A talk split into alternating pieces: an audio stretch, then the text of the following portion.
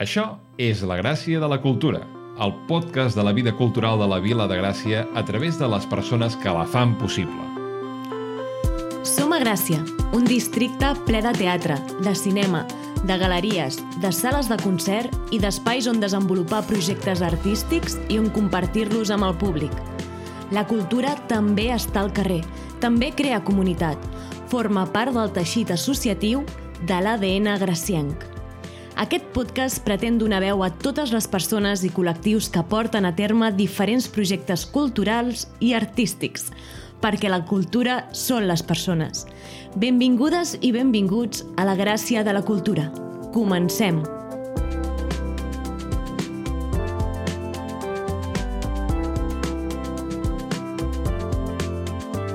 Un podcast realitzat per la periodista Andrea Rodoreda i jo mateix, Jordi Pota, actor, mag, humorista i moltes coses més per intentar sobreviure del món de la cultura. Conta bé, conta va. I si no és mentida, veritat serà. En el cor del vibrant barri de Gràcia, on els carrers estrets s'entrellacen com fils d'una història teixida, vivia una anciana coneguda com la senyora Carme. La senyora Carme, amb els seus ulls plens d'històries i mans que havien teixit més de mil bufandes, era famosa per les seves històries que feien somiar tant a grans com a petits. Cada tarda, sota l'ombra generosa d'un antic plàtan a la plaça del Sol, la senyora Carme desplegava la seva cadira, obria el seu vell llibre de contes i començava a narrar. Les seves històries parlaven de gats que tocaven la guitarra, de fades que ballaven en els terrats i d'estrelles que es deixaven caure per visitar les festes de Gràcia. Un dia va començar a contar una història que mai ningú havia sentit. Parlava d'un secret amagat dins el laberint dels carrers de Gràcia. Un secret que només podia ser descobert per un cor pur i aventurer. Un moment, un moment, Andrea, un moment, un moment. Moment. Ja, estem fent un podcast sobre cultura a Gràcia per la Independent. Ostres, sí, disculpa, Jordi. És que estava fent el guió sobre el podcast d'avui, Sí. que tracta sobre contes, i he volgut fer ús de les noves tecnologies, en concret la intel·ligència artificial. Uh -huh. Per això li he demanat al xat GPT-4 que m'escrigui un conte sobre Gràcia. I és increïble perquè el que nosaltres faríem en hores, dies o fins i tot mesos, el xat GPT-4 ho fa en minuts. No, no, això, això del xat GPT jo ho faig servir bastant per fer guions o, o, o preparar idees i és una passada, eh? Doncs sí, Jordi. Com t'anava dient, el podcast d'avui va sobre contes. Creus que Gràcia és una vila de contes? Doncs mira, no ho sé segur, jo crec que sí, perquè al final Gràcia té molta cultura, per tant, per què no? Pot ser una, una vila de contes. A més a més, hi ha molts localets, per exemple, hi ha un localet molt concret, no?, que es diu la Casa dels Contes. Per tant, m'hi apostaria alguna que sí. I, I creus que els contes són només per nens i nenes o també podem trobar contes per a persones adultes? Jo crec i m'imagino que sí que n'hi haurà per adults, perquè hi deuen haver històries que es poden explicar en estil conte per persones adultes, però crec que està més destinat a la canalla. No ho sé. Doncs no ho sé. Com molt bé has dit, a Gràcia hi ha la Casa dels Contes, al carrer Ramon i Cajal número 36. Uh -huh. Per què no li preguntem a la Teresa Puig? Ella és una de les cofundadores de la Fura dels Baus, és actriu i des de fa més de 6 anys és l'ànima visible de la Casa dels Contes. Com ho veus, Jordi? Vinga, som-hi, l'anem a trucar. Vale, doncs sí, anem-la a trucar. Vinga, va, anem a posar això a trucar. Aviam si sona. Mira, mira, està sonant ja, eh? Està sonant. Aviam si la Teresa el pot agafar. A veure... Bon dia. Hola, Teresa, com estàs? Bé, bé. Estic aquí amb el meu company Jordi en el podcast de l'Independent de Gràcia i et volem fer unes preguntes sobre contes. Bones, Sí? Teresa, què tal, com Hola, estem? bon dia. Molt bé, molt bé. Digues. Mira, Teresa, creus que Gràcia és una vila de contes?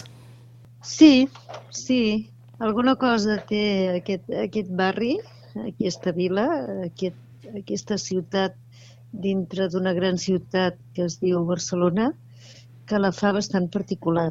La veritat és que vaig venir per aquí, a la Casa dels Contes, ara fa set anys, i d'entrada jo venia d'un barri que els carrers eren molt més amples i em costava una mica d'habituar-me i ara tinc la sensació que em costaria de m'hauria d'ambientar en un altre lloc si marxés perquè estic tan acostumada una mica el, el veïnatge d'aquí i a més a més penso que hi ha, hi ha molta gent que es ve a passejar per aquí Gràcia perquè justament que, i que no són del barri, vull dir que hi busquen a, aquesta cosa que en altres barris potser no hi és, no? de placetes properes, de que tot està a prop. No? I això li dona una qualitat especial, de conte, potser. És el que anava a dir. Gràcia podria ser l'escenari perfecte per, per un conte.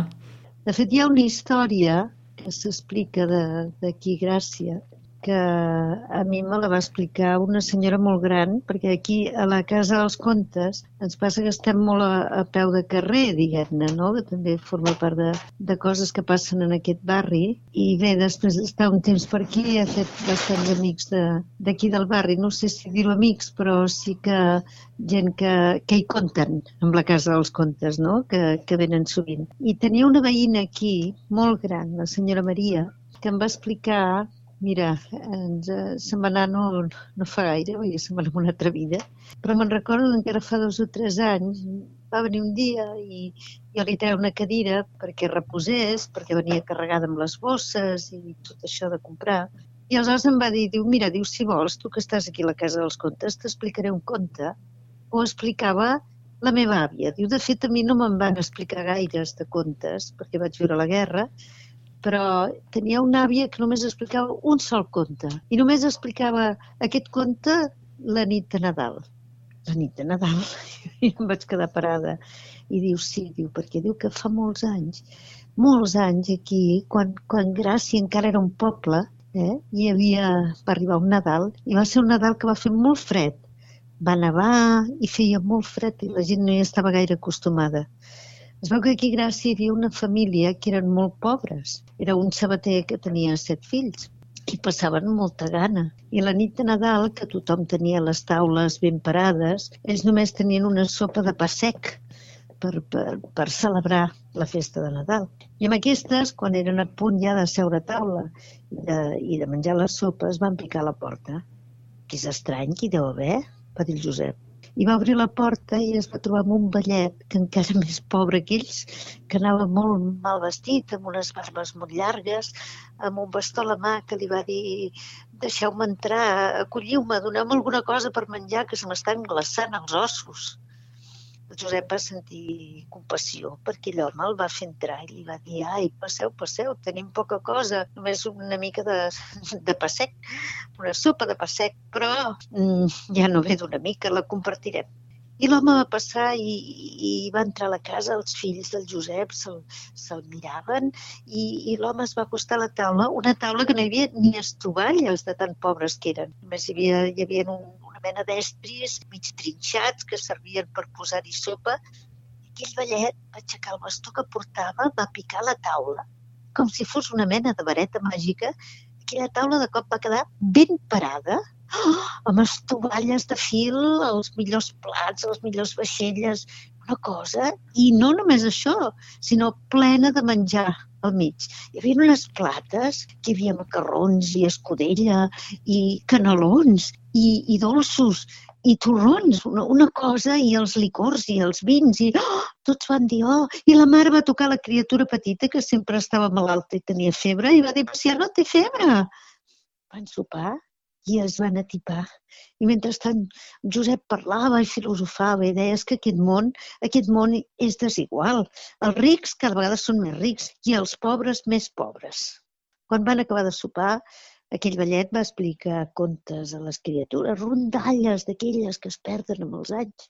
I de cop i volta va dir, bé, ara jo me n'haig d'anar, que ja és molt tard.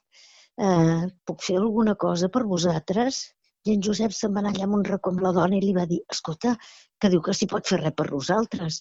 I la dona li va dir, no sigui ruc, digue-li que ens faci rics. Mm? I aleshores el ballet que ho va sentir li va dir, no us amoïneu, quan jo hagi marxat, aneu-vos a la vostra habitació i a sota del llit de matrimoni mm, escarbeu bé, com fan els escarbats, que hi trobareu un tresor. I dient això, se'n va anar. I així que se'n va anar al ballet, van córrer sota el llit de matrimoni, van començar a escarbar i van trobar un cofre ple de joies, de pedres precioses i de monedes d'or, aquelles bones. Eren rics. De cop eren els més rics de Gràcia. I al cap d'un temps van decidir que en aquell barri millor, millor que no que, que no era un bon lloc per viure, vaja, que la gent era massa humil i xabacana i massa treballadora. I se'n van anar a la zona més cara de tota la ciutat, de tot el país, vaja. I s'hi van fer un palau. Es van construir un palau d'aquells que, buf, encara se'n parla ara, ara el visiten i tot, els turistes que venen. I en aquell palau s'hi va posar a viure el Josep, la seva dona i els seus fills. Llavors ja no es deia Josep, li deien el senyor Josep, don Josep. I van passar deu anys. Al cap de deu anys va tornar a ser una nit de Nadal, una nit molt freda com aquella de feia deu anys enrere. I es preparaven al Palau de Don Josep, els criats anaven amunt i avall, avall i amunt els majordoms, els cuiners, celebraven el Nadal però havien convidat a les personalitats més importants de la ciutat, que dic de la ciutat, del país. Les filles festejaven amb els fills d'aquells més importants de la ciutat, no de la ciutat del país, eh? famílies bones, de molts diners, de moltes propietats, de moltes terres, i amb aquestes van picar la porta. I el majordom va anar a obrir. I quan va obrir es va trobar davant que hi havia un ballet pobre com una rata, amb una barba blanca i un bastó, que va dir, vinc a veure don Josep. Va dir, no, no, perdoni, és que està molt ocupat, el meu senyor no pot venir, aviseu-lo. I va dir amb una mena de convenciment que aquell majordom no s'hi va poder negar i va anar a buscar el don Josep i el don Josep va sortir tot esbarat i va dir, és que, és que no em podeu deixar tranquil ni el mateix dia de Nadal m'heu de venir a demanar caritat. Au, va, deixeu-nos. I aleshores va mirar el ballet als ulls i quan el va veure es va estremir i el vellet li va dir, ai, Josep, no m'has reconegut. Eres més bona persona quan eres pobre que no pas ara que ets ric i tens por de perdre tot, oi? I dient això, el pobre Josep va tancar els ulls per un moment, perquè, perquè, perquè no sabia si lloc que vivia era real o era un somni. I quan els va tornar a obrir, el ballet ja no hi era. Havia desaparegut sense fer soroll.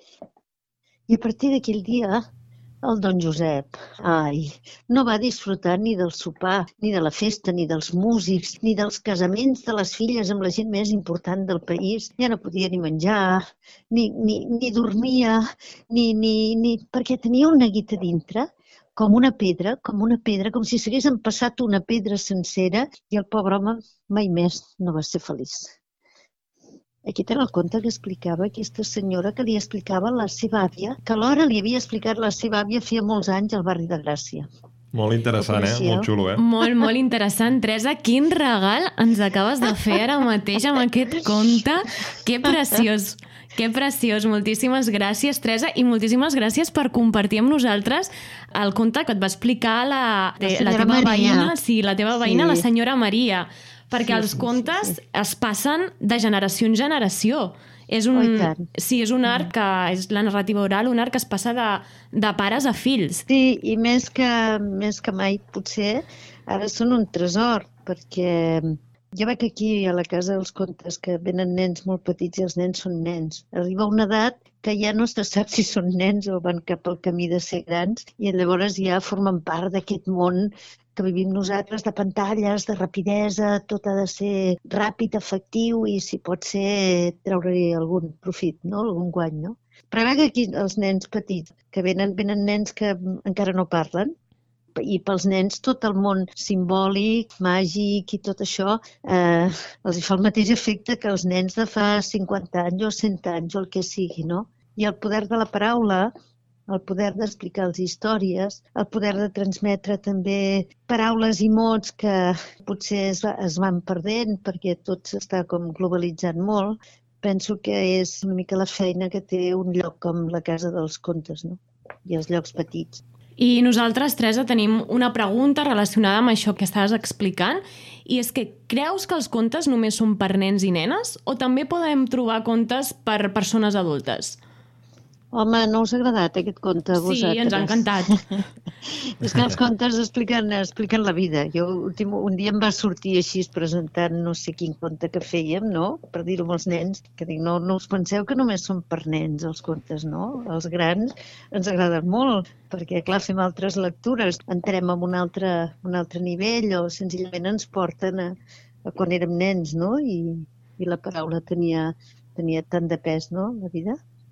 No ho sé, expliquen Total. la vida els contes, jo crec que sí. Total, no, no, és Sí, molt interessant. això- I tant. Sí, sí, són intemporals d'alguna manera, no? Perquè aquest conte que heu explicat, si pensem una mica, ja passa això, no? De persones que... Hi ha un poeta que era de l'època dels àrabs a la península, que era del País Valencià, molt conegut, ja va escriure un poema que explica la, abans que els reis catòlics els expulsessin i tot això, que explicava com és possible que tu, abans de ser ministre, parlaves de, dels valors de les coses i de les persones i ara aquests ministres han canviat d'idea, no? Diu alguna cosa més o menys així en un, en un valencià antic, no? Però vull dir que continua passant una mica. La, la gent, quan canviem d'estatus, no ens en recordem, no?, de que hi ha gent que té necessitat i que al final tots naveguem en el mateix món, en les mateixes aigües. Sí, sí, són, molt, són bueno, molt actuals, sí, no sé, la veritat. m'ha sortit el punt místic, però...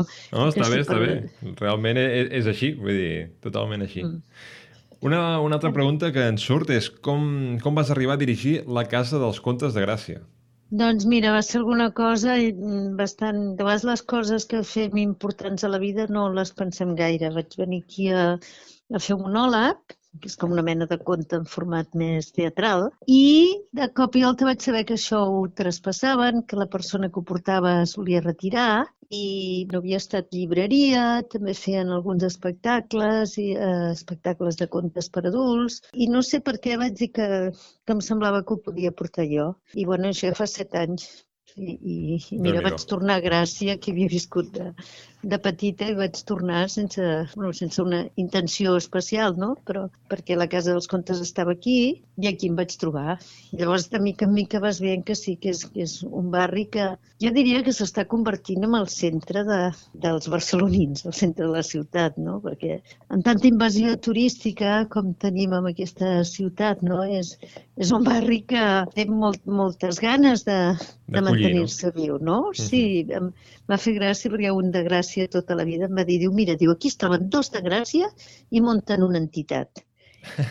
I la veritat és que, és que em sembla que sí, perquè jo diria que és el barri que hi ha més entitats de tota la ciutat, no? De grups de coses, d'associacions, de no sé què, de... I, i bueno, mira, és, és un barri així...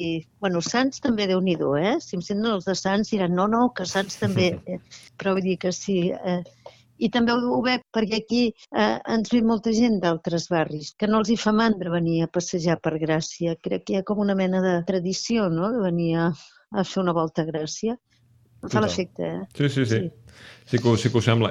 I, i, i quin, què, què seria el que més t'inspira d'aquest espai que teniu vosaltres? Mira, quan veig alguna cosa... A veure, portar un espai d'aquests no és senzill, perquè, de fet, no, no sé si hi ha alguna feina senzilla ara mateix, no? Però... No n'hi ha gaires, no. No n'hi ha gaires, no n'hi ha gaires. Vull dir que de mirar de fer molt, molt d'esforç per mantenir la sala viva i, i compaginar... Mm, jo, per una part, hi ha, hi ha la cosa d'acollir artistes que busquen un espai per poder presentar les seves propostes.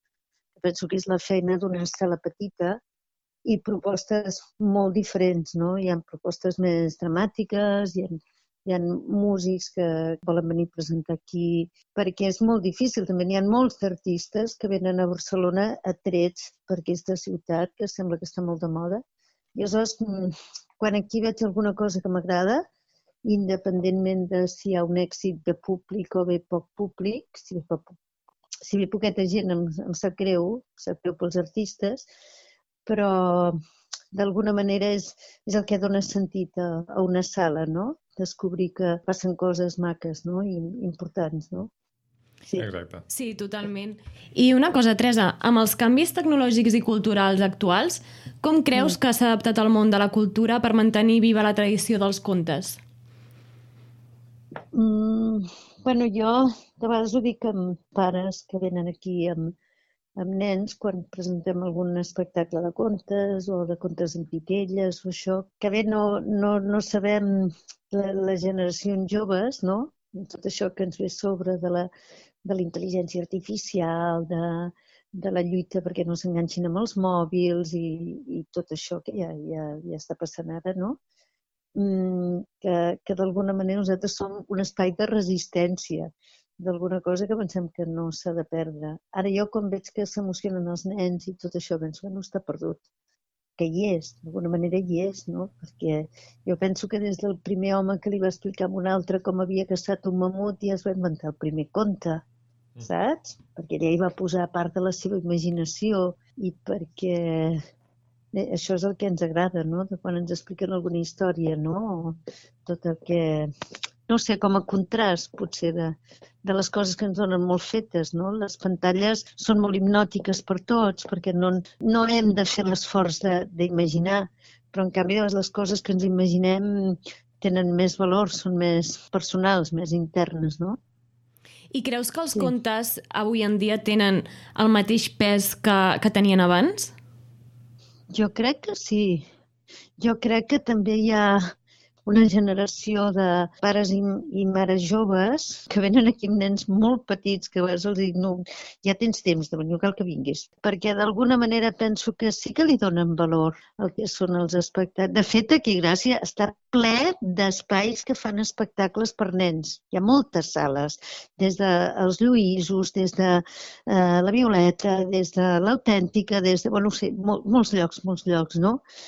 I, i bueno, si encara ho fem més perquè ve gent, saps? De vegades més, de vegades menys. Clar, el dia que no vingui ningú no ho podrem fer, però nosaltres ho anem fent i veiem que ens ve gent de fora de Barcelona, que, per exemple, pel pont, pel pont, eh, jo espero, perquè ens ha passat altres vegades, que et ve gent que diu no, és que hem aprofitat el pont per venir a Barcelona, no? O sigui, se'n va tothom, els de la ciutat se'n van, però ve gent de fora. I crec que sí que hi ha una generació de pares que tenen ganes, que d'alguna manera són conscients, no?, de que, de que està bé que els nens tinguin aquesta mena d'estímuls, diguem-ne, no? Que a vegades les coses més senzilles són les que, les que, ens, les que ens toquen més.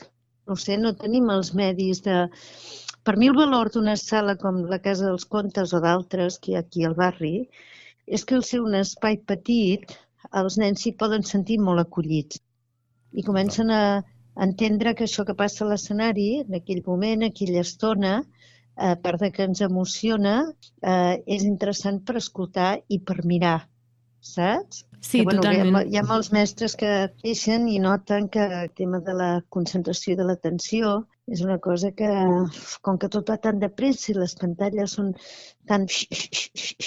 que els, els nanos perden la capacitat de concentrar-se. I penso que hem de mirar que la cultura és això, compensar una mica les coses xungues de la societat. Aquest és el valor de la cultura, que ens fa reflexionar d'una altra manera o ens obre portes no? al pensament i altres maneres d'entendre la vida, perquè si no, no l'entenem nosaltres. O sigui, ens ve donada des de fora d'unes corrents multitudinàries i, i és una mica poder parar i dir, a veure, a veure, un moment, què és important per mi, no? Què penso, no?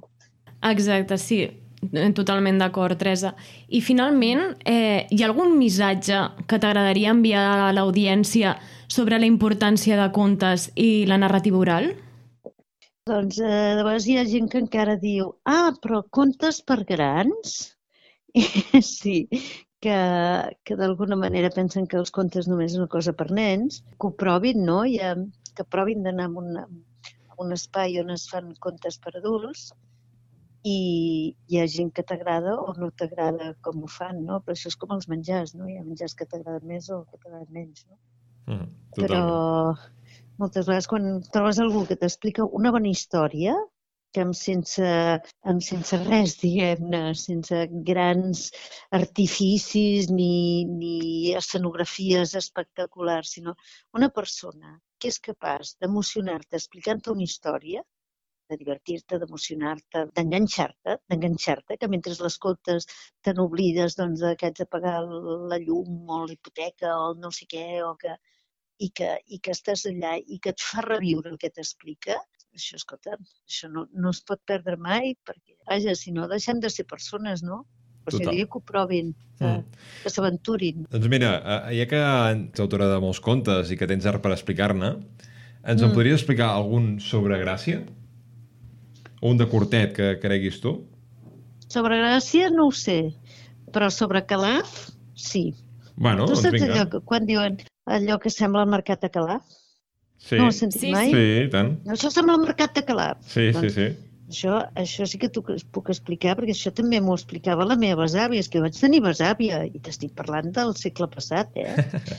Doncs ell era de per allà, era de costat de Calaf, d'Aguilar de Sagarra, que allà és molt lluny. I allà, saps què passa? Que, que si amb el conte que us he explicat de Gràcia feia molt fred, Sí. allà a l'hivern sí que fa un fred que pela, però de, de. En- encara més, no? Fred, Uau! Fa tan fred a Calaf que queda allà a 700 o 800 metres, queda, queda molt alt Calaf, amb una mena de, de mig de la Sagarra, que és un lloc molt àrid i molt pla, i venen els vents directe des del Pirineu que bufen, que bufen i travessen totes aquelles terres. Doncs resulta que la meva rebesàvia va anar al mercat, al mercat de Calaf. I aquell dia era un dia d'hivern que fotia un fred tan fort que es van glaçar les paraules, es van congelar. Fins un dia a la primavera, que de cop i volta va fer bo, i es van descongelar totes les paraules alhora, totes. I aleshores, clar, no s'entenia res, perquè mentre un deia posa'm una col, l'altre deia posa'm una gallina, l'altre deia no sé què, no sé quantos. Per això diuen, quan tothom parla alhora, que sembla Mercat de Calaf. Ah, Això doncs és, eh, mira, veus, això no, aquest no ho sabia, eh? No, no, no el sabíem pas i em sembla super interessant. La veritat, Teresa, és que ets un pou de, de coneixement sobre contes i Bueno, bueno. ens ha semblat super, super interessant la, la conversa que hem tingut amb tu. Així que Molt bé. moltíssimes gràcies per compartir el teu coneixement i el teu art amb tots i totes nosaltres. Molt bé, molt bé. Moltes gràcies, eh? Seguiu-nos, que veieu que fem moltes coses, no només de contes, sinó de música. Ara tindrem unes sicilianes. És que hi ha molta gent que ve, que ve a Barcelona de molts llocs del món i es van presentant per sales i espais on, on es poden presentar. Vull dir que no, no us ho perdeu. I tant, Vale, i us tant. deixo. I Moltes tant, gràcies. moltes gràcies, Teresa. Moltes Sí. gràcies. Adéu, que vagi Adéu. bé. Adéu, adéu, adéu. Déu nhi doncs quins contes més únics que ens ha explicat la Teresa. déu nhi eh? Ha sigut molt interessant, eh? Tant el primer com el segon, així hem après coses gràcies als contes. Sí, sí, oi tant. Per cert, si voleu llegir el conte que ens ha escrit el xat GPT-4, el podreu trobar a les nostres xarxes. Que, per cert, res envejar amb els contes que ens ha narrat la Teresa. Doncs sí, Andrea, al final eh, el xat GPT no, és un, una IA, però no podem deixar d'entendre que els humans tenim l'emoció i la podem compartir més bé que una intel·ligència artificial. Sí, sí, conte, els contes que ens explica la Teresa li donen mil voltes al conte que ha fet el xat GPT-4. I tant. Doncs Jordi, i vet aquí un gos i vet aquí un gat, aquest podcast s'ha acabat. Vinga, fins ben aviat. Fins ben aviat!